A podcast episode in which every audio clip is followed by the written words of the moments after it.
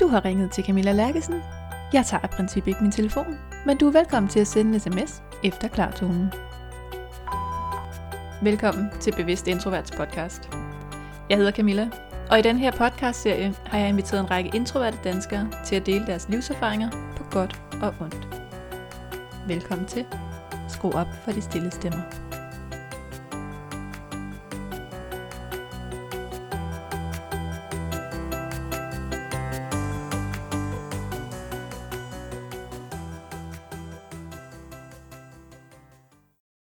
Det her afsnit er ganske vist en introvert dansker, jeg har med i studiet. Men det er ikke det, vi skal tale om i dag. Vi skal tale om at møde nye mennesker, og hvorfor Danmark er en rimelig indadvendt kultur, der faktisk, i hvert fald ifølge i Braun, som vi skal møde lige om lidt, er ret dårlig til at hilse på hinanden og tale med fremmede. I Braun han er lektor på DPU på Aarhus Universitet, han har boet i både England og USA, og der har han altså lært, hvordan en kultur også kan se ud i forhold til at samtale med nye mennesker og starte en samtale, og ikke mindst at slutte en samtale. Det her afsnit det er oprindeligt lavet til Netværkshistorier, som er min anden podcast.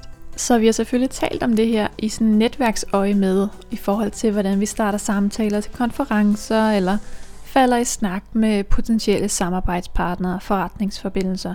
Men undervejs i samtalen, så kom der nogle ting op, som jeg synes er mega interessant for os, der interesserer os for det introverte. Så måske er I dybt uenige i forhold til at, at skulle tage kontakt til fremmede.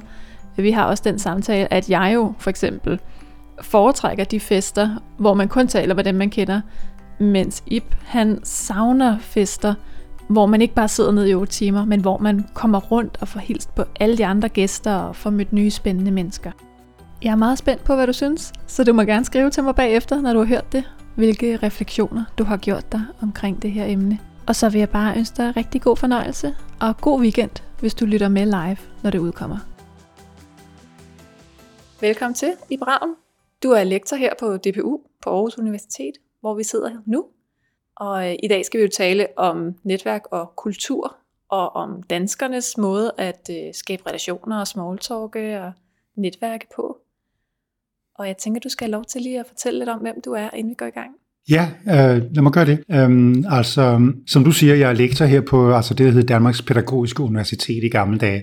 Nu er vi et institut under Aarhus Universitet i Emdrup, øh, lige nord for København. Og øhm, øh, her øh, har jeg været en 15 år. Jeg underviser i øh, et felt, jeg kalder for organisatoriske videnprocesser som blandt andet handler om facilitering af videndeling og møder og seminarer og konferencer, og øh, jeg underviser også på en master i øh, trivsels- og øh, ressourcepsykologi. Øh, så det der med interaktioner mellem mennesker og hvordan folk har det med hinanden, mm, har jeg dyrket rigtig meget. Mest, øh, hvad kan man sige, i arbejdsmæssige eller professionelle sammenhænge, men interesserer mig også rigtig meget, hvordan folk omgås hinanden i al almindelighed, og øhm, specielt den der vinkel med facilitering, altså hvordan vi kan hjælpe folk til at få mere ud af deres samvær, både professionelt, men også socialt og sådan i civilsamfundet, sådan at det bliver skønnere at være sammen. Og vi kan udrette det, vi skal, når vi skal udrette noget, eller vi bare kan have det sjovt, når vi skal have det sjovt. Og, og, og i den sammenhæng har jeg altså også tænkt meget over og, og skrevet om, øh, hvad vi gør, når vi, øh, vi går til fester, eller går til øh, øh, netværksmøder, eller går til reception, eller i det hele taget opholder os sammen med andre mennesker, sådan lidt i det offentlige rum, hvor der sådan blandt andet er fremmed, og hvordan vi danskere har det med mennesker, vi ikke kender, øh, folk fra andre kulturer og sådan nogle ting. Det synes jeg er super spændende. Ja. Nu sagde du facilitering nogle gange. Hvad ligger der i det? Ja, facilitering, det er jo den øh, øh, en proces eller en teknik eller en metode, hvor med man, man hjælper andre mennesker med at få det bedste ud af deres samvær, ved at øh, kanalisere eller guide deres, øh, deres samtaler, deres drøftelser på en sådan måde, at man, øh, man udretter det, man skal. Så facilitering er altså noget, når man bruger til, til møder og, og gruppesammenhænge og seminarer, øh, workshops, når man skal udvikle og nå og udrette noget. Mm. Og hvad var det, der fik dig til at interessere dig for det her med hvad kan vi sige, øh, nu skulle jeg til at sige relationer, men interaktioner mellem mennesker. Ja, fint. Altså egentlig, at, øh, at jeg, øhm, jeg tog min uddannelse i England og USA tre år i London øh, med en bachelor, og øh, seks år i USA bagefter, hvor jeg tog min Ph.D. Øh, og det var systemteori og ledelse og organisering og samfundsplanlægning. Men øh, i løbet af det ophold der så jeg, hvordan englænder først de tre år der, og så amerikanere bagefter, hvordan de relaterer sig til hinanden. Øh, og det var meget anderledes for det, jeg kom fra, sådan min mm, danske, sådan, ja, han har sagt sådan, øh, jeg var opvokset i Rødovre og født i Jylland, og sådan en ganske almindelig sådan, øh, øh, mm, øh, forstadsdreng, som så kommer ud i verden og ser, hvor, hvordan det foregår, når man står på en pub i England for eksempel, eller bliver inviteret til en, en fest sammen med 50 andre studerende i sådan en lejlighed på 40 kvadratmeter, øh, og det hedder så Bring a Bottle. Så tager man en flaske med, og så står man der sammen med 40 mennesker, man ikke kender. Og det øh, viste sig tit at være en strålende og enormt hyggelig aften, hvor man kom til at snakke med en hel masse mennesker, fordi englænder, de er sådan, hvad skal man sige, professional outgoing, og de er gode til at, at henvende sig til folk, de ikke kender. Det er de overhovedet ikke svært ved at lave lidt, lidt small talk, som vi danskere jo er kromatære over at skulle tænke på, åh oh, nej, skal jeg nu lave small talk? Men altså, det er jo sådan noget, englænder gør mm, som det nemmeste i verden. Øh, og det samme også med amerikanere for så vidt Mm, som jeg opdagede senere. Jamen altså, hvordan amerikanere jo sådan har en kultur med, at, at det nye, det er det, der er interessant. Altså, mm, fordi det, der kommer hen om næste gadehjørne, det er spændende, og der er altså et eller andet. Og, og det gælder også mennesker. Så når der kommer sådan en ny person ind i lokalet, så tiltrækker man sig sådan automatisk lidt opmærksomhed og lidt interesse. Fordi der er en, vi ikke kender. Ham må vi da hellere hilse på og se, hvad han er for en. Og så slutter vi lidt med ham, og så går vi sikkert videre til den næste. Men den indstilling er meget forskellig fra den danske, som jo er, når man går i byen eller til fest. Jamen, så finder man sammen med det, man kender i forvejen. Altså danskere, de går til fest for at være sammen med folk, de kender i forvejen. Men amerikanere, de går til fest for at være sammen med mennesker, de ikke kender. Fordi måske er der et nyt job, eller en ny kæreste, eller en ny mulighed på en eller anden måde til sådan en fest der. Så det er en helt anden kultur, man har i de to lande der. Det lærer jeg rigtig, rigtig meget af. Ja. Og hvad var det så, du savnede i den danske kultur? Ja, det vidste jeg jo ikke rigtigt, altså da jeg var ung herhjemme, men, men det var så det, jeg kunne se, da jeg kom hjem efter de der 10 år i mine 20'er øh, i øh, USA. Det var altså den der dynamik og åbenhed og øh, øh, parathed til at møde nye mennesker, og øh, ikke bare være sammen med øh, de øh, fem andre, jeg tager taget i byen med nu her i aften, og så er der også seks, der hygger os sammen øh, i byen til en fest eller på et værtshus i, øh, i fire eller seks eller otte timer. Men øh, man tager faktisk i byen for også at møde andre mennesker. Eller når man går til reception eller øh, til familiefester, så er det også interessant, at der er nogle mennesker ud over de der 12, man kender i forvejen. Altså så er der 36 andre mennesker, som måske også, det kunne være meget sjovt at snakke med. Og øh, det savnede jeg altså rigtig meget, den der dynamik og åbenhed. For der synes jeg, at danske, og det er de jo stadigvæk, altså danske sammenkomster og fester, de er sådan utrolig statiske. Altså, mm, vi har det jo sådan, når vi går til fest, så sidder vi ned i otte timer. Altså det er jo feste, at danskere fester. Vi har ja. siddet ned i otte timer. Det, det er jo helt vildt. Altså, og det er ikke fordi, det sådan skal være my big fat Greek wedding. Altså det kunne være meget sjovt, sådan, hvor, hvor alle bare danser sådan midt på gulvet hele tiden. Men bare det, at der er lidt dynamik, og man kan henvende sig til nogle andre, og man ligesom kan forlade sin stol og gå et andet sted hen. Det er meget, meget vanskeligt til danske selskabeligheder. Du kan forestille dig sådan noget familie noget, hvor man er til noget et eller andet hos sin tante, eller sådan noget, måske et sølvbrøllup, eller fætter kusinefest, eller sådan et eller andet, hvor man ligesom sidder og spiser sammen i 3-4 timer måske, og så er der så kaffe bagefter. Jeg husker sådan en lejlighed, som, jamen, så er der så kaffe bagefter, og så er vi sådan 40 mennesker, som sidder i sådan nogle bløde stole rundt omkring, sådan nogle små kaffebord. Og så sidder man der, tre, fire, fem personer, og taler en time, og måske to timer og tre timer. Og altså allerede efter en halv time har jeg lyst til at høre, Nå, hvad sker der ellers i den her butik? Ikke? Og så forsøger man så at rejse sig op. Men når man så rejser sig op for sådan et bord, hvor der sidder tre andre, så bliver ens egen store, tunge stol jo tom. Og det er meget tydeligt for alle, at nu har jeg forladt dem, og nu har jeg ligesom sagt, jeg gider ikke snakke sammen med jer mere, fordi jeg er ikke kommet tilbage efter de der 10 minutter, som man normalt kommer tilbage med en ny kop kaffe eller et stykke kage, eller efter at have været på toilettet. Jeg er gået et andet sted hen, hvor jeg så forsøger at komme til at snakke med nogle andre, men alle de andre steder, der sidder der også fire mand omkring et bord. Hvordan kommer jeg til at snakke med dem? Så står jeg sådan lidt og hænger ved dem og sætter måske på et ryglæner. Det virker så meget påtrængende, og imens kan dem fra mit gamle selskab jo se, at jeg ikke sidder hos dem længere, men hellere vil snakke med nogle af de andre, og det er så mærkeligt, og det er så udansk at gøre de der ting, så det er der ingen, der forsøger på overhovedet. Så derfor sidder man til sådan nogle familiefester, bare taler sammen med, med de tre, man sad ved siden af til middagsbordet, og de tre, man sad til siden af ved kaffen. Og så går man efter, efter seks timer, og har ikke mødt andre end de seks personer, ud af en store, glade familie. Og det beklager man sig så over i bilen bagefter. Jeg fik slet ikke snakket med Kurt og Bettina og Sebastian. Hvorfor gjorde du ikke det? Ja, men det ved jeg sgu ikke. Det, det kunne jeg bare ikke, eller det gjorde man. Det gør man jo ikke. Det sætter man ikke spørgsmålstegn ved. Altså, som min pointe her, fester i Danmark, man sidder ned, og det er rigtig svært at komme til at møde andre mennesker, når man sidder ned. Og det er derfor, at det er så skønt at gå på en engelsk pop, for der står man op. Altså grundlæggende, der er en bar, altså sådan øh, skranken op, hvor man får sine drinks, og så er der sådan 4 eller 6 meter tomrum ud fra baren, eller 8 eller 10, et stort lokale foran baren, hvor folk ligesom bare står og hænger ud. Og det er det, der er skønt, fordi så er det meget, meget dynamisk, at man ikke sætter sig ned i et hjørne omkring et bord, som vi danskere gør, når vi er på café eller på værtshus, sådan med en flok venner. Så sidder vi og laver sådan en lille klikke der.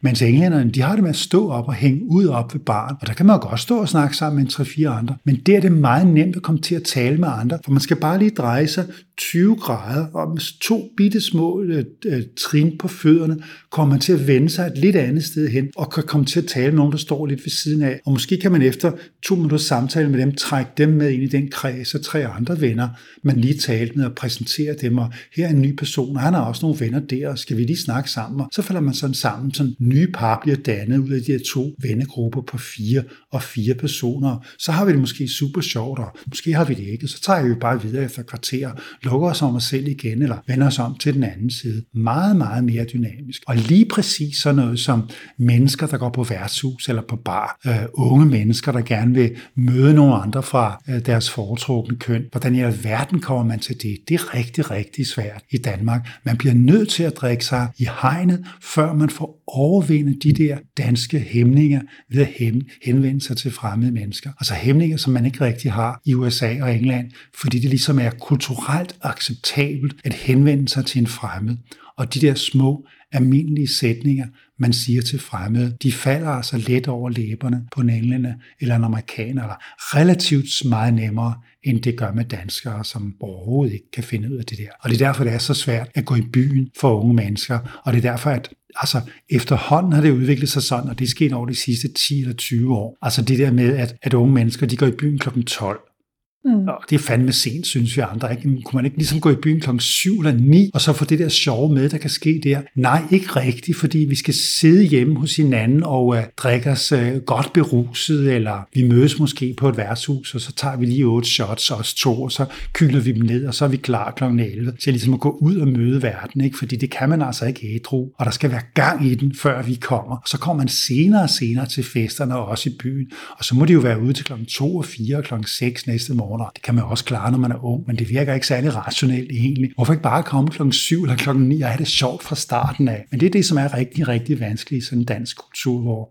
vi ikke rigtig har vaner eller traditioner for at at finde sammen med mennesker, vi ikke kender, som lige med det samme. Det skal der noget alkohol til, og en, en god del, altså en god del arbejde faktisk med at kyle ting indenbords, før vi er klar til ligesom at, at møde verden og bare sådan øh, frit tale med fremmede mennesker. Ikke? Jo, og det gælder jo også voksne. Det er ikke engang ja, kun de det unge. gør det, det gør det præcis. Der er ikke så mange voksne, der går i byen, og så har de måske fundet, eller de har givet op, når de er 40 eller 50, ikke? og så er der børnene, der skal hjem. Så det er mest de unge, der går i byen, ikke? men det er præcis det samme med de voksne, når vi går til fest eller er til selskabeligheder i øvrigt. Ikke?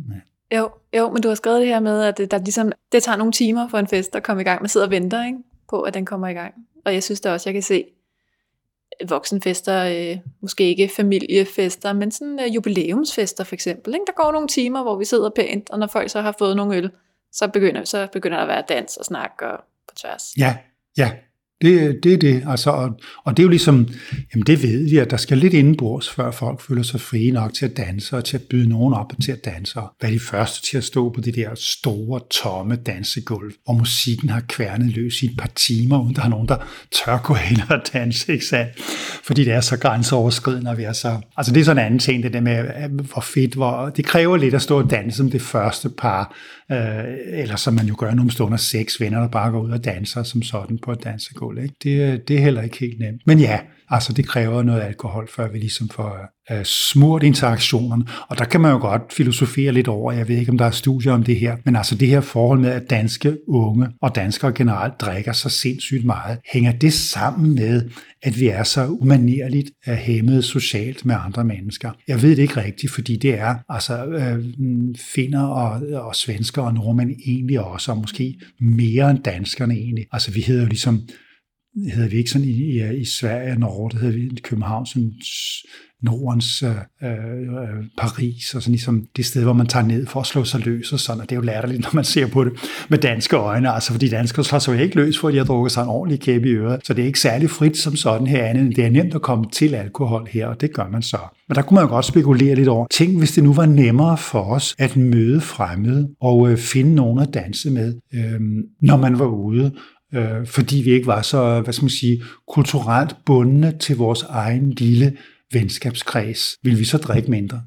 Og det tror jeg er en del af, af årsagen til, at det bliver drukket. Det er jo at drikke sig ud over hæmningerne, så vi dels sådan bare kan have det sjovere med vores venner, men jo også nemmere kan tage kontakt med fremmede og, og lære nogle nye mennesker at kende og, og, og finde hende, der ser godt ud der, og ham, der ser sej ud der. Og, og, og knytte den der kontakt, som man jo gerne vil, når man er ung og er i byen og, og skal finde sig en partner. Ikke? Ja. Hvor stammer den her danske kultur fra? Jeg tror altså, den starter, jeg tror, den stammer fra altså sådan, øh, Anne Knudsen, der er antropolog og som er redaktør for Weekendavisen. Hun skrev en gang en bog, der hed øh, Her går det godt, send flere penge, som sådan om dansk kultur. Og hun beskriver blandt andet, hvordan danskere sådan er vant til at sidde omkring sådan øh, lys og en rødternet du og sådan lys her. Og så sidder vi seks eller otte eller ti mand omkring det her, og så er der mørket ude bag ved os. Og det kommer måske fra, fra de der gårde, som vi alle sammen er vokset op på, på landet, eller vores forfædre, han har sagt, for 200 år siden, at der var ligesom husbunden og mutter, og så var der så øh, fem kaler og fem piger, og det var altså os, der sad omkring det der bord hver eneste aften, og det var knaldhyggeligt, og der havde vi nok i os selv, og der var sgu ikke nogen fremmede, der kom på besøg og bankede på, og måske vi bare fortsat med det der insulære, altså det der øagtige, hvor det ligesom bare er os i primærgruppen. Og det er jo det, der kendetegner altså danskere jo helt vildt, at man får den der primære gruppe, når man er ung, altså i skolen, eller til uddannelsen, eller til den sport, eller den forening, man er med i, når man er sådan i 20'erne. Og det er ligesom de par vennegrupper, man har, sådan set resten af livet. Og så får man typisk ikke sådan store vennegrupper. Altså man bliver 40, det er meget usædvanligt, at man ligesom får 10 nye venner. Man hænger sammen med dem, man har kendt i 10 og 20 år. Og der ser vi altså pigerne fra håndboldholdet. Jamen, vi holder fast ved hinanden, selvom vi ikke spiller håndbold længere. Og, dem, man gik på seminariet ved, og, og, og dem der fra opgangen, som man måske også fik det fedt med, dengang man var ung og alle sammen boede i kollektiver. Vi ses også sådan, eller drengene fra, fra realklassen, eller sådan. Dem hælder man ved, og det er så dem, man ligesom kender resten af livet. Og på den måde er vi meget trygge ved gruppen.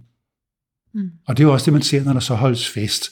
Altså sådan en typisk 40-års fest. Den består jo i, at, at Bettina hun inviterer de der 4, 5, 6 grupper, som hendes sociale liv består af. Og det er jo hendes egen familie, så kommer der 6, 8 af dem. Øh, kærestens familie, der kommer også 4, 6 stykker af dem. Så er der, så er der netop øh, øh, dem fra håndboldholdet, og, og så er der dem fra uddannelsen, og så er der måske en lille flok fra folkeskolen, og, og så er der måske en eller to kredse mere. De kommer så, og så får man de der fester i øh, gruppesædning, hvor, hvor de her grupper, efter måske at være blevet blandet ved hjælp af en bordplan til middagen, og når så den er færdig kl. 10 eller 11 eller 12, så rejser man sig op og suger sig sammen i de der grupper, man kender i forvejen, og sætter sig i de der vennegrupper, og øh, så bliver det rigtig sjovt, fordi nu kan jeg endelig komme til at snakke med dem, jeg ikke har set det sidste halve år, eller hvor længe jeg nu ikke har set dem her. Og dem sidder man så sammen med, indtil klokken bliver 12 og 1 og 2 og 3. Og enden går man direkte hjem og har ikke mødt nogen som helst af de andre. Og det var det jo som regel ret ked af, fordi hun har inviteret alle de her glade mennesker, også fordi de må lære hinanden lidt at kende, fordi hun har sådan et forfængeligt håb om, at alle mine venner er jo dejlige mennesker, og de skal alle sammen lære hinanden at kende, og ville ikke være skønt, hvis de gjorde det. Men det sker altså ikke. For vi går ikke sådan øh, spontant hen og siger, goddag, du må være en af Bettines øh, venner, er du ikke? Øh, nej, jeg er hendes svigermor. Eller det gør man ikke. Det er så svært at gøre de der ting. Så vi har de der lidt isolerende fester, hvor man ikke rigtig er for at hilse på andre end dem, man kender i forvejen, fordi vi er så vant til den der gruppe tilhørsforhold. Det er så vigtigt for os at have en gruppe, og vi elsker at være i grupper. Ja. Og nu kan jeg ikke lade være med at sidde og tænke her som øh, frøken introvert, Og der er helt sikkert også nogen, der lytter med, for der er mange, der følger mig netop af den her introverte profil.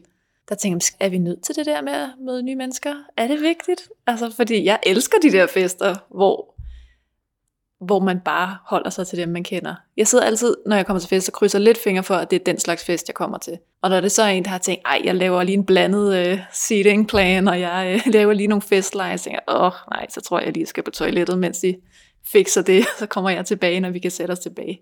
Ja, altså så du har det bedst ved at være sammen med gruppen? Det har jeg. Jamen det, det må man jo også respektere, at sådan er der mennesker, der har det.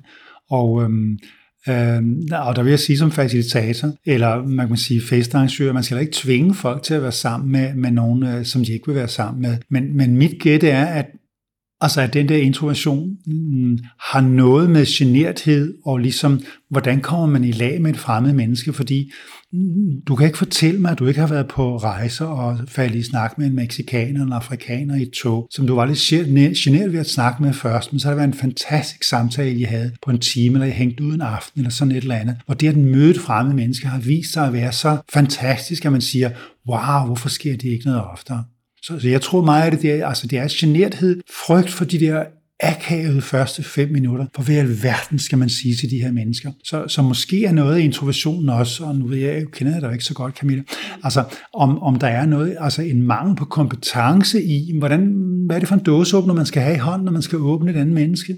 Hvordan skal man ligesom komme ind og se, hvem er du? Du er da sikkert et skønt menneske. Skal vi lige finde ud af, hvad der er inde i os? Altså uden at man er komplet åndssvag, og det synes man tit, som, som sådan lidt tilbageholdende, at det er sgu mærkeligt og åndssvagt at, at, at nærme hinanden, en dåseåbner på den der måde. Hvad fanden er du gang i? Altså, man tænker lidt, sæt dig ned og slap lidt af, og sådan reagerer man jo også, hvis man møder sådan hysteriske mennesker, der er ekstremt ekstroverte, som for eksempel nogle amerikanere er. Det får man bare så meget så nok af, for det er så overfladisk, synes vi danskere. Men der er jo også folk, som, som er opmærksomme og øh, er gode til at lytte og, og spørge, og ligesom finder ud af, hvad har du gang i, og hvad har jeg gang i, og har vi noget til fælles her? Er der nogle oplevelser, nogle erfaringer, eller noget humor, vi har til fælles, hvor vi kan komme til at snakke og man så finder ud af, at det her fremmede menneske står måske og snakker med en hel time, og tiden flyver bare, fordi vi står bare og smiler eller griner sammen hele tiden. Og det er jo fantastisk at kunne det. Ja, og jeg tror, jeg er lidt splittet, ikke? for jeg laver den her podcast, der handler om netværkshistorier. Historier om de gange, vi har mødt mennesker, der gjorde en forskel i vores liv. Og tit er det jo mennesker, vi ikke kender. Så dem kender jeg jo, ja. og, øh, og kan mærke og har været i. Men når jeg, når jeg ikke rigtig overgår det, så tror jeg også, det med tanke på alle de gange, hvor jeg har brugt en hel fest på at fortælle med nogen, der slet ikke sagde mig noget, og tænkte, de timer kunne bare have været brugt bedre alene derhjemme. Ja. Det var ikke det værd. Nej. Og men, det var men, der mange af også. Skal vi ikke tale lidt om det? Jo, fordi det, jo, altså, fordi det der med at møde fremmede mennesker, det er jo ikke bare at møde dem. Altså, jeg deler det op sådan i tre ting. Det er, hvordan møder man et fremmed menneske, hvad i alverden taler man med vedkommende om, og hvordan får man afsluttet det. Det er det der med at afslutte, som vi lige taler om her. Fordi der er ingen, der siger, at du skal snakke med et menneske, der ikke giver dig noget i mere end 10 minutter. Og så kan du bare gå. Men hvordan går man fra et menneske, man lige har indledt en samtale med? Det er super, super svært. Mega svært. Ja, og der vil jeg lige minde om, hvordan amerikanere gør. De siger, nice talking to you, catch you later, og så skrider de. og så er der ikke mere i det. Og det synes vi danskere er så forfærdeligt. Ja. Og det er jo en forfærdelig kliché. Jamen, hvad skal man ellers sige, når man ligesom synes, at nu vores samtale, skal vi ikke finde nogle andre mennesker? Altså, og der er ingen grund til at stå og kede sokkerne af hinanden. Altså, hvis du ikke har det sjovt, så har jeg det sikkert heller ikke sjovt. Og hvorfor skal vi så blive ved?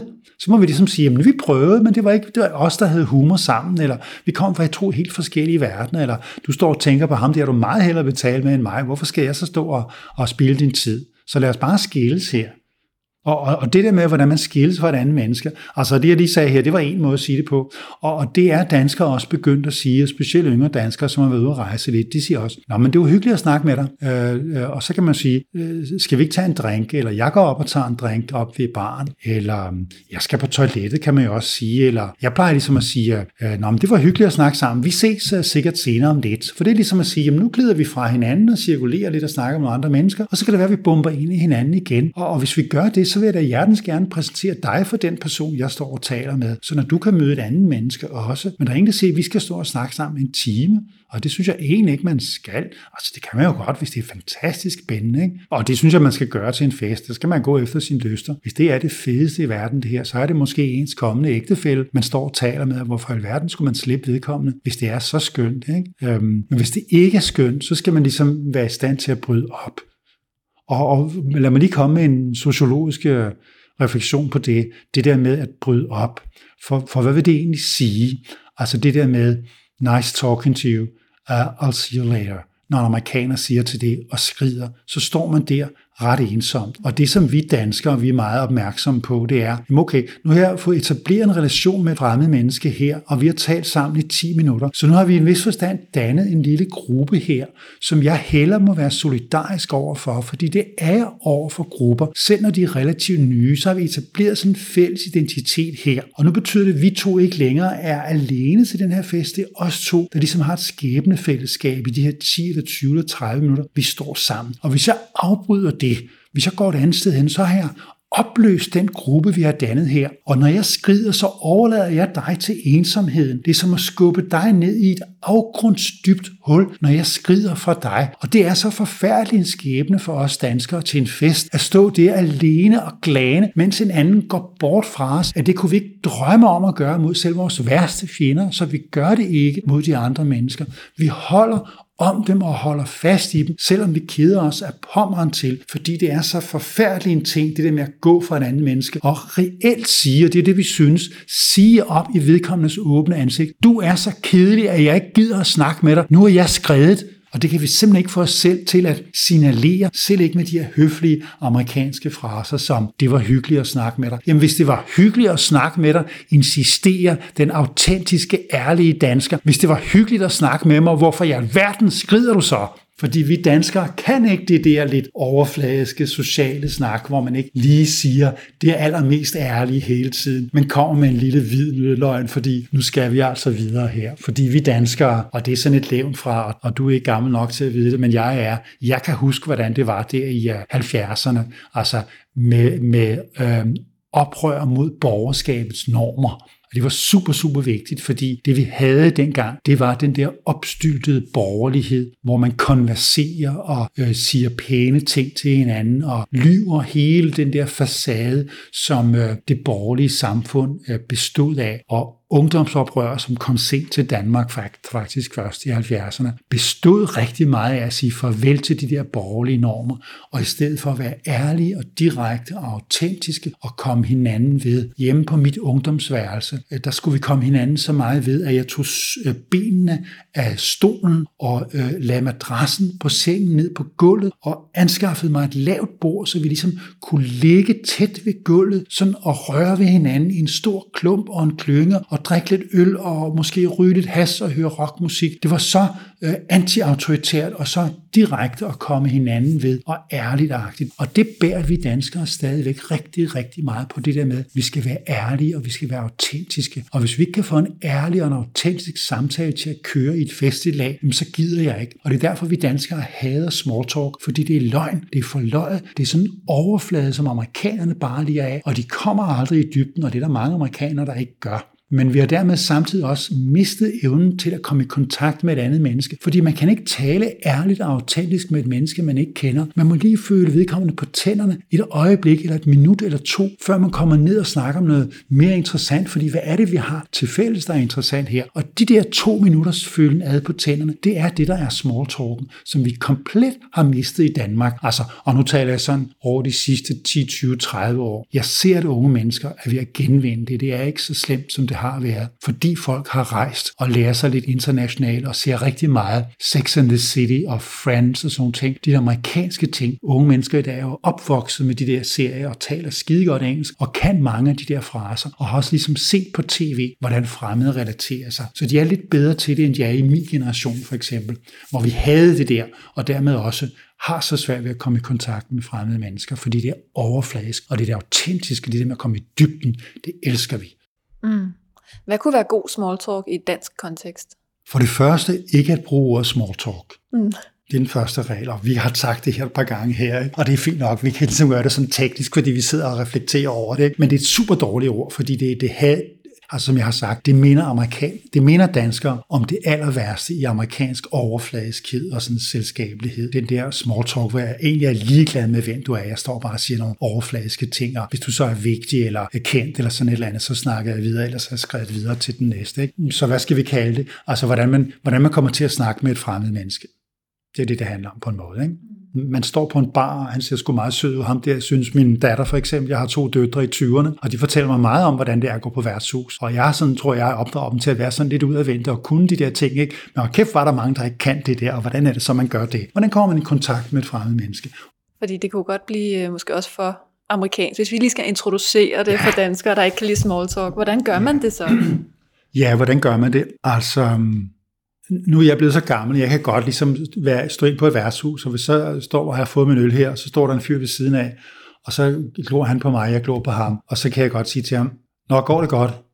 Eller, Nå, hvad er du gang i? Eller, Dag, hvad er du for en? Eller sådan et eller andet. Altså, mm, der er nogle klichéer, og hvis man læser sådan nogle bøger, så er der altså nogle, når kommer du her tit, og sådan nogle ting. Altså, undgå sådan nogle, vil jeg sige. Ikke? Og det er jo kun sådan, man ligesom har lært sig. Og jeg tror, i det øjeblik, man begynder at lære den slags fraser, så bliver det slidt på en eller anden måde. Ikke? Så jeg vil hellere ligesom sige, jamen der står et andet menneske der, og øhm, hvis du har mod til det, og, og det er jo ikke altid, man har det. Man kan jo være komplet ædru, eller hvis jeg sidder og læst hjemme hele dagen, og så skal i byen og alene for eksempel. Ikke? Det er sgu svært at være ude af vend på den måde det er. Ikke? Øhm, men lad os nu sige, at jeg går til en, øh, til en, øh, øh, en, en reception sådan i forretningsmæssig sammenhæng, altså med arbejde, eller øh, man er til en konference for eksempel. Øh, jeg går, har været til mange konferencer og har skrevet og forsket i konferencer. Der er jo tit receptioner øh, i forbindelse sådan sidst på eftermiddagen eller en fest om aftenen, og så hænger man så ud bagefter, hvor alle for så vidt har en slags fællesskab. Øh, så øh, hvad er det, man, øh, man siger der? Altså nu spørger du mig direkte, hvad siger man? Hvad er god small talk? Ja, hvad er god small talk?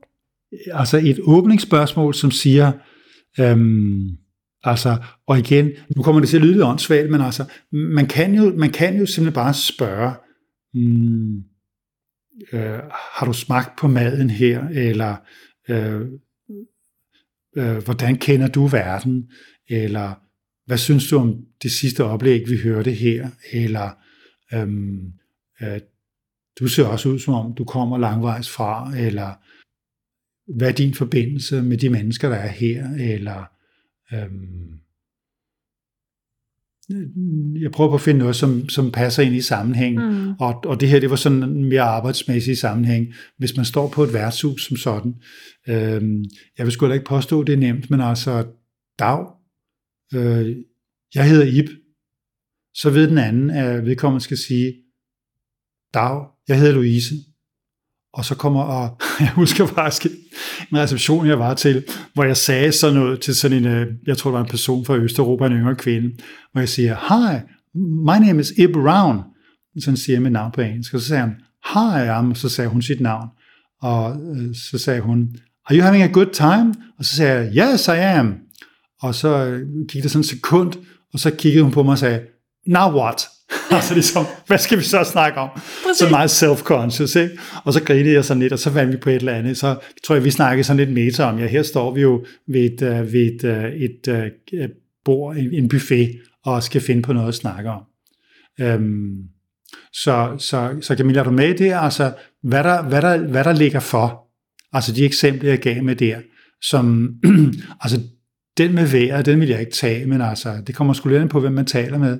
Hvis man taler med en, en, en voksen, meget voksen mand eller kvinde, så vil de acceptere at tale om det her fantastiske solskin, det har været i dag, eller det forfærdelige regnvejr, der forhindrer os i at komme frem til tiden. Øh, det er okay også. Øhm, altså, det det handler om her, det er jo, at man ligesom har, har, har blikket ret imod det, der er det væsentlige. Det er at finde ud af, at det er et interessant menneske, der står her, og hvordan kommer vi til at øh, snakker med et eller andet, som er interessant. Og det kan vi ikke umiddelbart, øh, øh, for jeg kan ikke røbe øh, dybe, væsentlige ting ved mig selv, eller spørge et menneske, jeg overhovedet ikke har etableret kontakt med først, om altså, Øh, synes du også, det var enormt pinligt derinde til sidst under oplægget, da der kom det der spørgsmål? Øh, nej, det synes vedkommende måske ikke, for det var hendes datter, der stillede spørgsmål eller sådan et eller andet. Ikke? Så, så vi skal lige føle hinanden anden først, og det er jo det, øh, de der åbningsbemærkninger tjener til, det er til at sige, jeg er ikke farlig, og det tror jeg heller ikke, du er. Så, så vi siger noget, som ligesom indikerer med, med vores venlige øh, spørgsmål eller øh, udmeldinger, og de smil, der automatisk kommer, når man taler med et andet menneske, at, at vi er okay. Vi kan godt gå i gang med at snakke om noget mere interessant end de der åbningsbemærkninger. Ikke? Ja. Så har jeg hørt mange øh, sådan, teorier om, hvorvidt man skal stille åbne eller lukkede spørgsmål, eller starte med lukket og så nogle åbne. Og... Ja, det kender jeg slet ikke noget til. Altså, det siger mig intet, det der. Altså, det, det vil jeg virkelig sige. Altså, jeg, vi kan jo genkende os lige, vi mødtes her for første gang for øh, tre kvarter siden nu, ikke? Jo. Du ringede til mig og sagde, nu er jeg her, og så kom jeg ud for at lukke dig ind. Og så kommer du gående ned imod mig, og øh, hvad er vores første ord? Kan du huske det? Vi siger jo lige hej, og så finder vi lige ud af, skal vi give hinanden hånd? Nej, det skal vi ikke, for det gør man ikke for tiden. Og så, og så sagde jeg så ikke sådan noget med, jamen, jeg, du har parkeret godt derovre. Du, du har parkeret så tæt på, som du kunne. Nå, det var godt, siger du så. Øhm, og så havde vi en bemærkning mere, tror jeg. Ja, det tror jeg også. Hvad var det? Det var et eller andet, jeg kan ikke huske, hvad det var. Jeg fik sagt, at jeg havde taget et semester på Journalisthøjskolen, og derfor, hvis man kunne parkere. Ah, så, så okay, men de ser lige hinanden, og man snakker om parkering. Ja, det er jo oplagt. Det er det, der lige er sket i dit liv. Og øhm, jeg er lige kommet ud for at finde dig, og øh, jeg tror også, jeg sagde noget med, at, ja, det der med, at, at det var så tæt på, og jeg tænkte, jeg kunne godt forklare dig, at herinde i gyden kan man ikke længere parkere, men at det er egentlig særlig interessant, og så droppede jeg. Så gik vi bare hen til døren, og så sagde jeg, vi vidste de eneste, der er her i dag. Det var det, ja. Ja, ja, siger du så. Nå, det er da fint nok. Og havne købet mørkt, siger jeg så. Så tænder jeg lys og siger, nå, det var dejligt. Så siger jeg, vi kan sidde herhenne. Øh, der tror jeg, der er plads til os. Nå, det var fint, siger du så. Og så er der sådan, jamen det er da okay. Vi skal jo i gang med noget business her. Du skal interviewe mig og sådan. Men, men man skal jo snakke om et eller andet, mens man ligesom er der. Og, øh, og det gør man jo så. Så fik vi snakket lidt om påske. Og om, ja, god påske, og hvad du lavet og sådan ting. Lige præcis, ja. Og corona, det er jo oplagt. Corona, ja. Hvordan har vi haft det med corona? Det er jo sådan en ting, der sker. Det kan alle jo snakke om corona. Ikke? Mm. Det er sådan set er ret sikkert, hvad hedder det, oversikkert i virkeligheden samtaleemne for tiden. Ikke? Fordi det har alle til fælles, så det er jo derfor, den der med vejret er så godt som en klassiker sådan i England. Ikke? at man taler i 10 minutter om vejret af englænder, fordi det er jo noget, som alle virkelig har til fælles. Og det er jo det der med, hvordan får jeg etableret rapport med et fremmed menneske? Om et eller andet, som vi forhåbentlig har til fælles, så kan vise hinanden, at vi er venlige indstillet over for hinanden, og derfor godt kan gå i gang med at snakke om lidt mere interessante ting, fordi vi gider ikke at snakke overfladisk hele tiden. Altså, og det er jo en ting, som man som dansker ikke rigtig ved. Jeg havde en rigtig god, eller har en god veninde, som jeg fik over i USA, som var ekspert til det der med at stille åbningsspørgsmål. Og hun kunne ligesom, når hun mødte et fremmed menneske, jeg var tit til fest med hende, så kunne hun sådan inden for to minutter spørge et andet menneske om. Um, so how are you? What do you do? Uh, do you read a lot? Uh, what is the best film you saw recently? Where do you go for vacation? What kind of music do you like? Og, og det er jo sådan nogle spørgsmål, vi danskere hader, men, men som jeg ligesom begyndte at finde ud af, hvorfor hun spørger alle de her ting, men det er jo fordi, i håbet om, at der er et af de spørgsmål, som får vedkommende til at lyse op og siger, ja, jeg elsker historiske romaner. Gud, det gør jeg også, siger Peggy så. Og så har vi en samtale om noget, vi har fundet ud af, at vi har til fælles. Og det fandt vi ud af på halvandet minut, fordi Peggy er så god til at stille den der slags spørgsmål som fisker. Hvor har vi noget til fælles? Og det er sådan noget, danskere hader, fordi de tror bare, at det er en tomgang, der ikke fører nogen steder hen. Og når vi så har fået et negativt svar på det hele, så skrider du videre til den næste. Men meningen med de der åbningsspørgsmål, det er jo at finde et eller andet, som er så interessant, at vi gider at snakke videre med hinanden om det. Og det er den der fisken rundt, som danskere ikke rigtig har tålmodighed til, eller ikke ved er et legitimt socialt mål. Og jeg tror lige for 20 minutter siden, hvor du sagde, at det der med at gå til en fest, og så snakke med nogle fremmede mennesker, som man overhovedet ikke har noget til fælles med, jamen hvis du ligesom lidt mere tænkte, okay, her er et andet menneske, og jeg skal finde ud af, hvordan vi kan uh, hit it off, hvordan kan vi få det sjovt, jamen det kræver, at vi ikke bliver ved med at snakke om det første, det bedste emne, som måske ikke interesserer nogen af os særlig meget, men at vi ligesom bevæger os videre til det næste, og det er det, som Peggy er så god til. Lynhurtigt bevæger hun sig sådan igennem fem forskellige emner, og samtidig synes jeg også, det gik for hurtigt, ikke? Men hun var god til at fiske efter noget, som vi havde til fælles. Og det, det har jeg selv lært af det der, at hvis det første, det bedste emne, som vi kommer til at tale om, ikke er særlig interessant, så spørg om, hvad du ellers har gang i, eller hvad læser du ellers, eller hvad er du for en, eller hvem andre kender du så her, så vi måske finder et eller andet, som er interessant. Og hvis det så ikke lykkes efter 5 eller 10 eller 15 eller 20 minutter, så er det på tide at sige, nå, ved du hvad, skal vi ikke møde nogle andre mennesker, og så går vi sammen et eller andet sted hen, og så på et tidspunkt, så skilles vi, eller hvad man nu kan finde ud af de der andre ting. Ikke? Kan der ikke også gå sådan lidt øh, præstation, eller det kan jeg godt føle nogle gange, når, når der når bliver fisket, altså hvad hører du af musik, og hvad kan du lide at se af serier? Hvis jeg nu står og tænker, at jeg kan godt lide uh, soundtracket til Moulin Rouge, og uh, min Guilty Pleasure-serie, det er Gossip Girl, det har jeg ikke lyst til at stå og sige til dig, og så står jeg og tænker, hvad jo. kan du godt lide af musik? Ja. Fordi så rammer jeg i den kategori. Jeg går helt i baglås. For ja. siger, hvad kan du lide af musik? Og jeg kan lide det hele.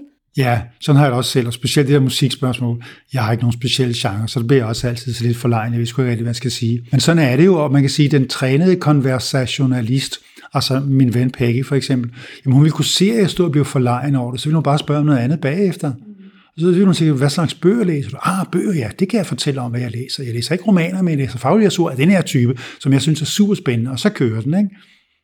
Så det må man også øh, være lidt opmærksom på, hvad kan den anden øh, hvad giver den anden mig respons på? Altså, hvor er jeg? Så det ikke bare er et batteri af spørgsmål, jeg tvinger dig igennem, men jeg fornemmer ligesom, jamen, hvor er du henne overhovedet? Hvad er det, vi skal tale om? Og der tror jeg, der altså, og nu tror jeg, at lytteren her lige skal glemme min gode ven Peggy, fordi hun var altså for meget. Og det der med at banke seks spørgsmål af på halvandet minut, det skal man jo ikke. Men lige for at illustrere det der med, man må godt forlade et emne, som egentlig ikke interesserer nogen af os for at se, om der er et andet, og så måske et tredje. Og på et tidspunkt giver man så op.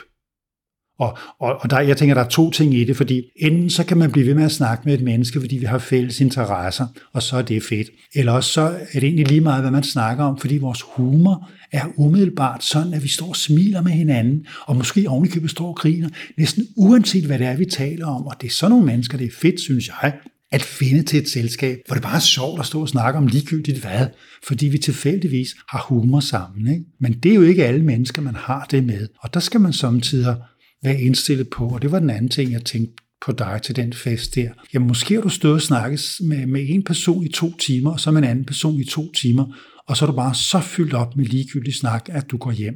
Ja.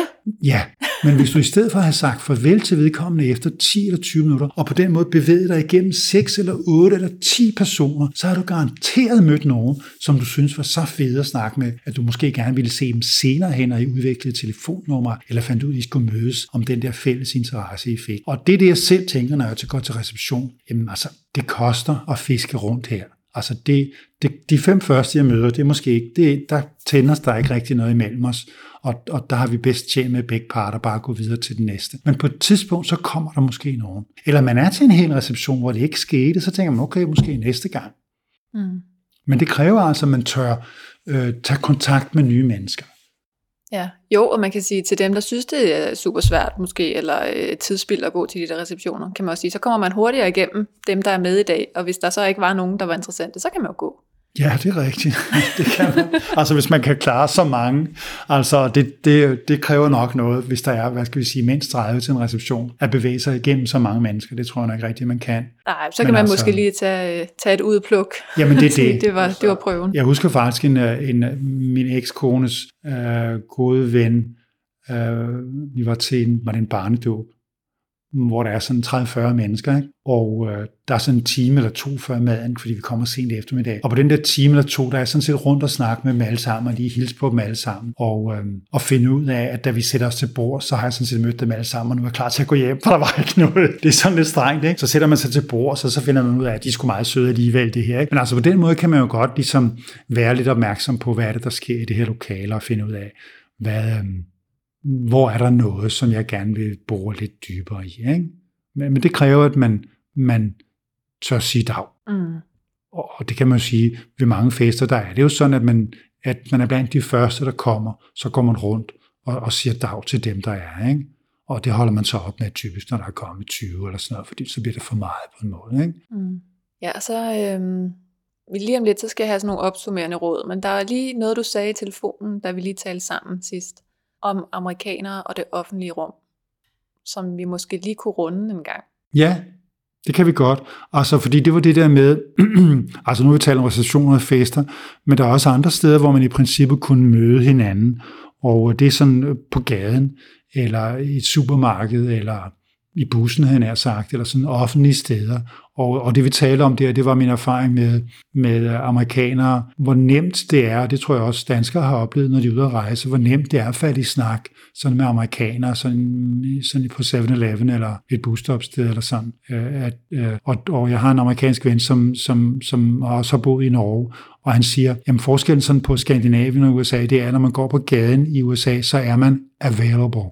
Altså man er tilgængelig, man må gerne tiltales, og man har at svare venligt. Det er ligesom det, der er normen derovre. Mens i Danmark, der er normen jo, øh, at når man går på gaden, eller hvis man går ind i brusen, så er man faktisk alene. Altså man går med sådan en slags hende omkring sig, hvor man ikke behøver at tale med andre, og heller ikke gør det. Og man står jo 6, 8, 10 mennesker super tæt ved siden af hinanden, måske ikke lige nu, men før corona, i køen, i brusen, og står der i mange, mange minutter, helt, helt tavst, og der er ingen, der siger noget til hinanden. Og det gør man jo i ugevis og i overvis, simpelthen, og det er jo påfaldende egentlig, Hvorfor i alverden er der ikke nogen, der taler med hinanden? Jamen det er fordi, at normen i Danmark er sådan, at man ikke krænker hinandens space. Man er sådan set alene.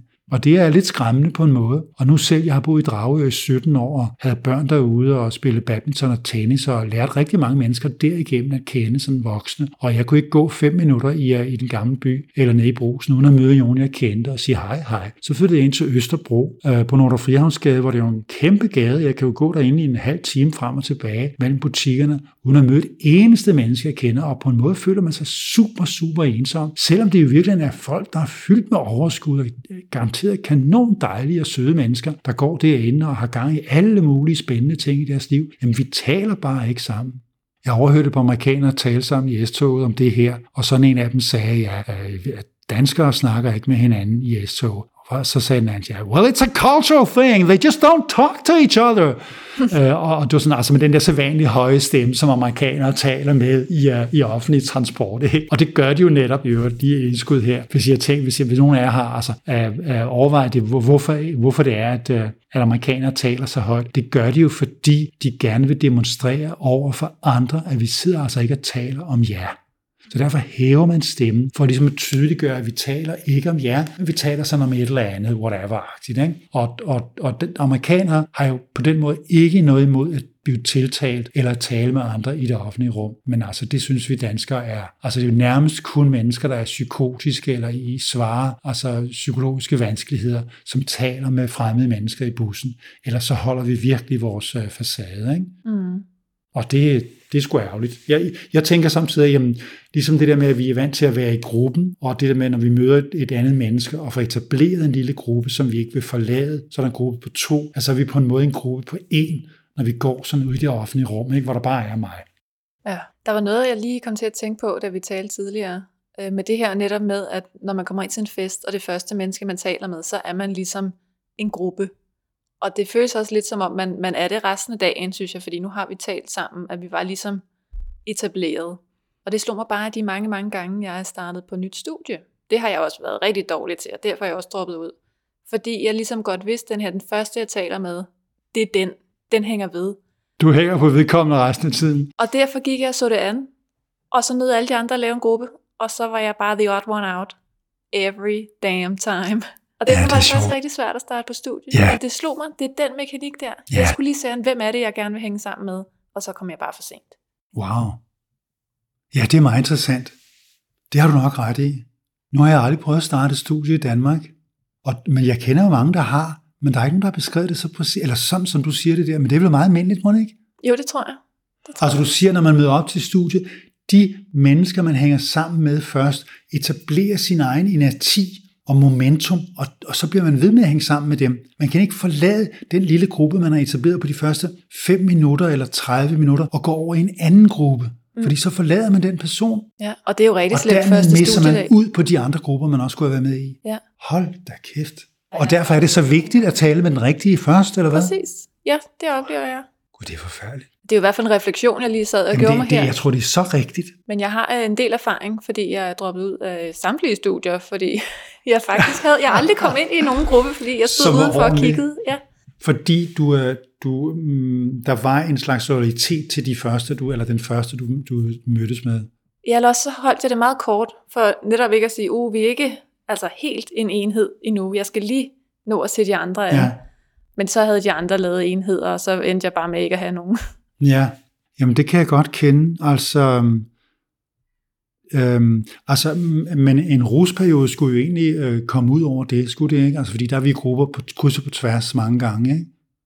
Eller Jo. tænker du på den første forelæsning, man træder ind i, og hvor sidder man? Nej, jo også det, men også første dag, ikke? hvor sætter du dig i den der forsamling, der altid er, hvor alle skal sige deres navne. Og hvor, øh, hvem sidder du så sammen med i pausen? Og som regel, dem du sidder med i pausen, det er, den næste, det, er- det er de samme, du sidder med i næste pause. Ja, hvorfor?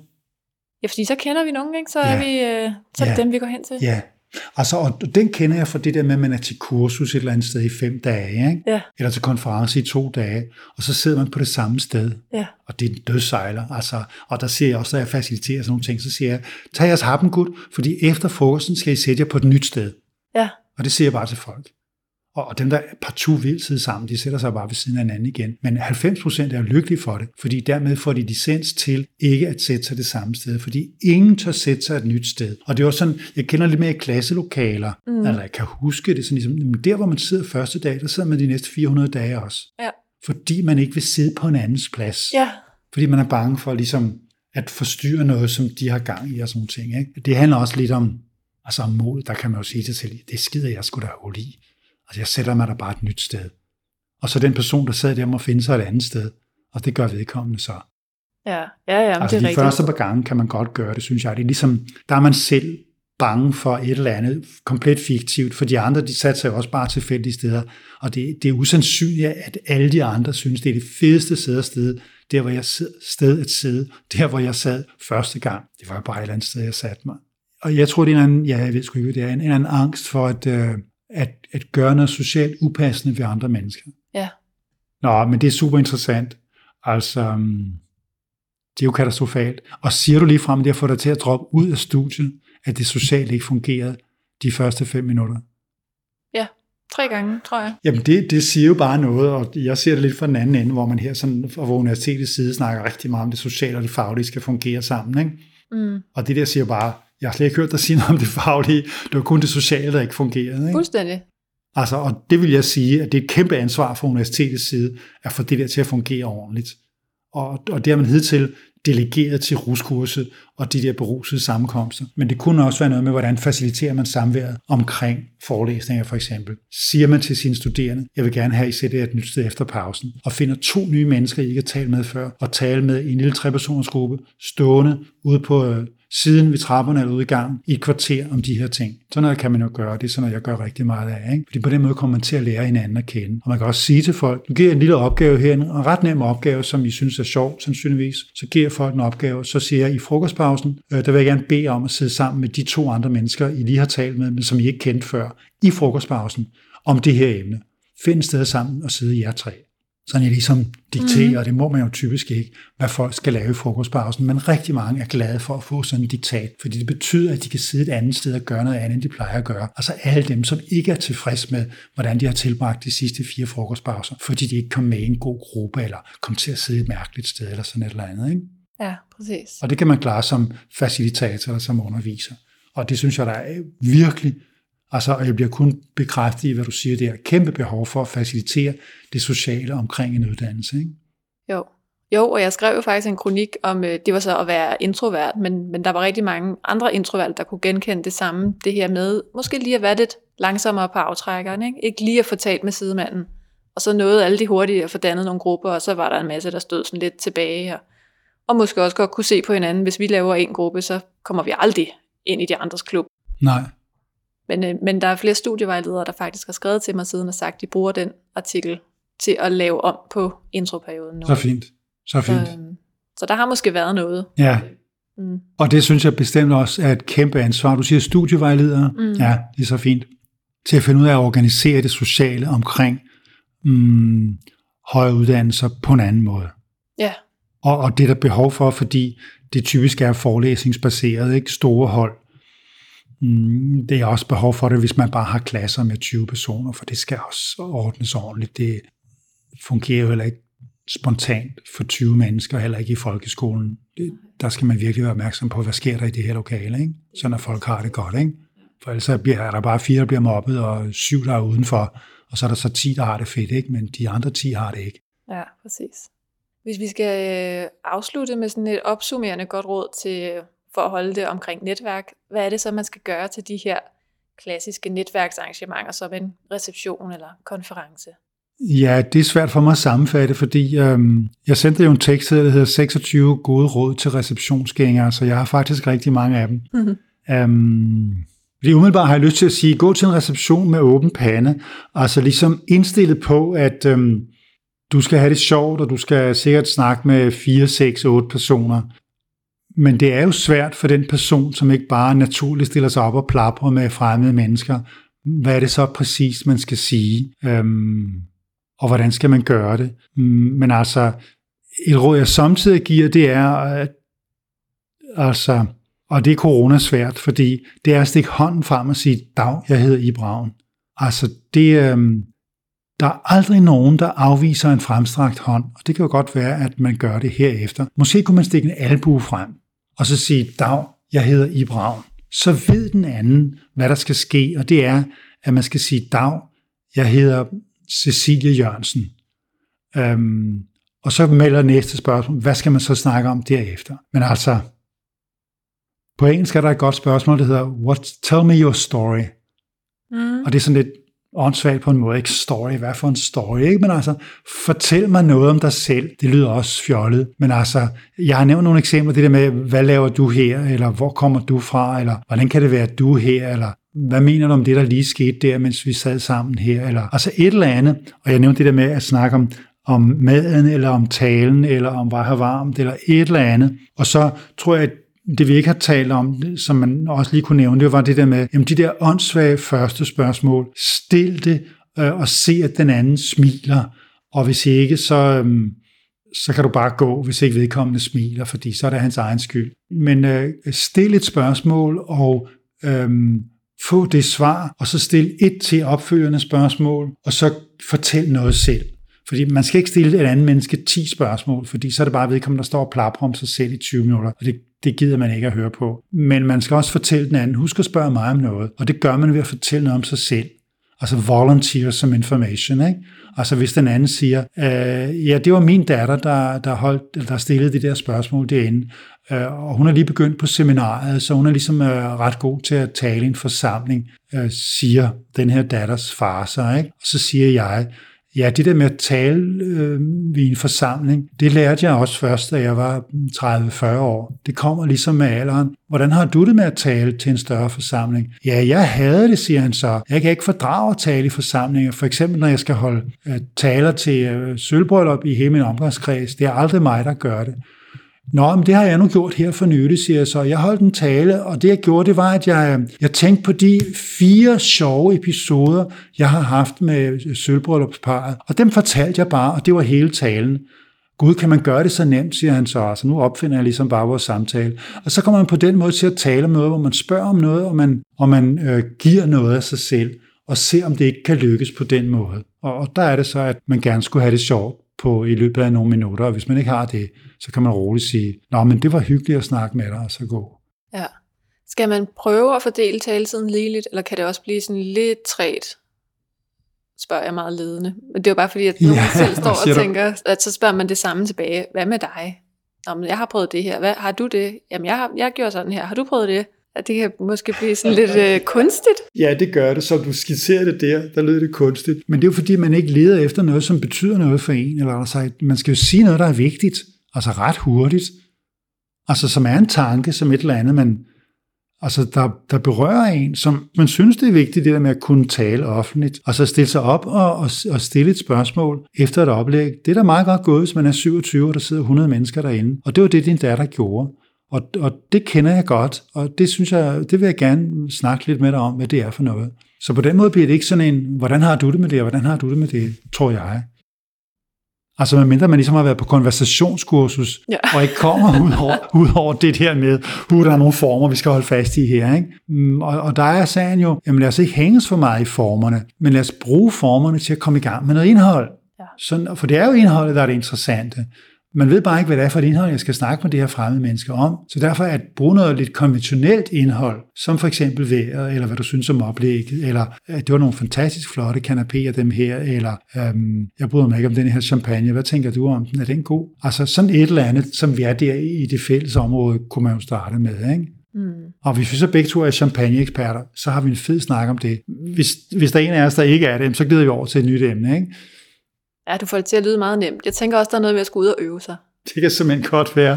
Øhm, ja, det er muligt. Altså, har du nogensinde tænkt på at finde nogen, som kan, og så se på, hvad de gør? Jamen, det gør jeg hele tiden. Nå, det gør du. Men, men lærer du så ikke, eller bliver klogere? Ah, det der kan man også gøre.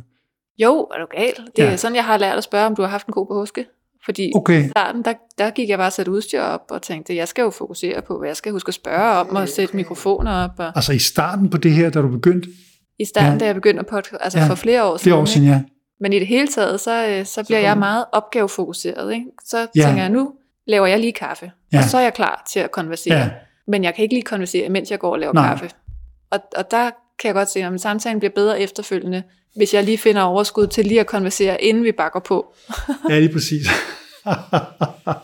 altså, det er jo fuldstændig rigtigt. Det gør den. Men det er noget, det er tillært. Ja, det kender jeg godt, og det er det egentlig også for mig, fordi jeg har det egentlig ligesom dig. Altså, jeg er egentlig også introvert.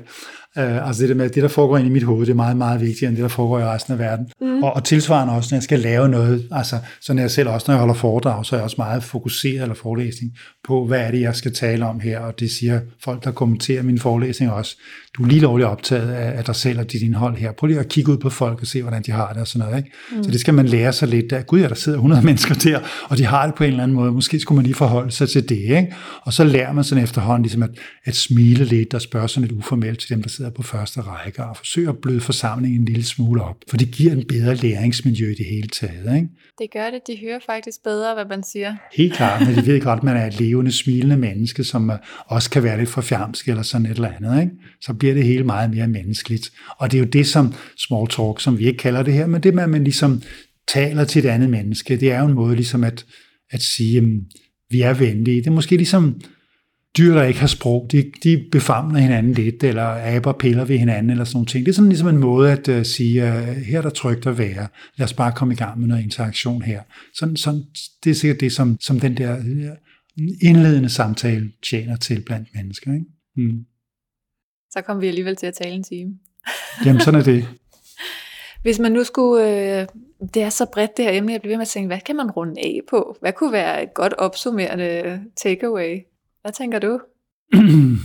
det ved jeg simpelthen ikke, du. Altså, mm, jo, altså en sådan, øh, en pegefinger, jeg selv fik øh, hørte for nogle år siden, som jeg synes opsummerede meget godt. Noget af det, vi talte om med grupper, de danske grupper, det var en, en kollega, en facilitator-kollega, som sagde, at når hun var i et fællesskab med andre, så var hun meget opmærksom på dem, der ikke var med i det. Og det synes jeg egentlig er meget smukt.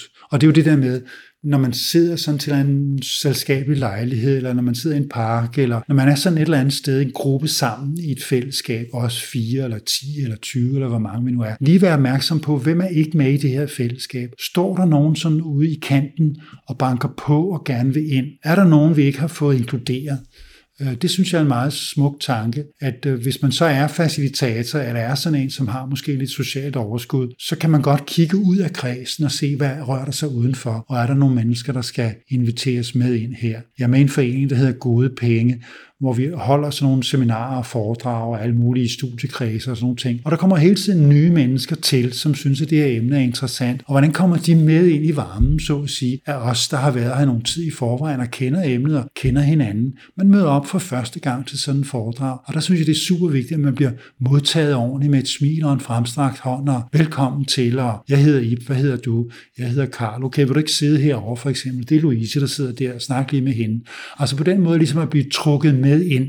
Det synes jeg er en super vigtig opgave, når man er vært, når man er facilitator, men egentlig for os alle sammen. Og det er noget, der falder os danskere super svært, fordi vi er så optaget af os, vi er i gang med at snakke med allerede. Hold da kæft, hvor er det bare hele verden. Dig og mig, eller os fire. Men lige at kigge ud to meter borte, står der altså nogle mennesker, som glimrende kunne komme med ind her, og som altså øh, kunne være en del af vores gruppe, for eksempel i sådan en foreningssammenhæng der, hvis vi bare inviterede dem med ind. Ikke? Mm. Kunne det ikke være en udgangsreplik? Jo, det synes jeg. Og hvis man nu synes, det er svært at tage kontakt til vildt fremmede, så kunne man jo stå i gruppen og tage kontakt og få nogen ind. Det er måske nemmere, end at være den, der er opsøgende. Ja, det er det. Altså, fordi der er man i den stærke position, mm. og, og, og det er jo det samme. Altså, hvis man står til en reception, fire mennesker og snakker sammen, så er der altid en person, der kommer for sent til receptionen, og lige får øje på vedkommende og sige, Dag, hvem er du? Det er meget, meget nemmere, for man er i gang med at snakke og har det hyggeligt allerede, og så trækker man den der ind, og så viser det sig, at det er en eller anden øh, super interessant person, som man så har mødt på den måde. Så ja, ja. god det er et godt sted at starte. Mm. Tusind tak for din tid, Ip. Ja, velkommen.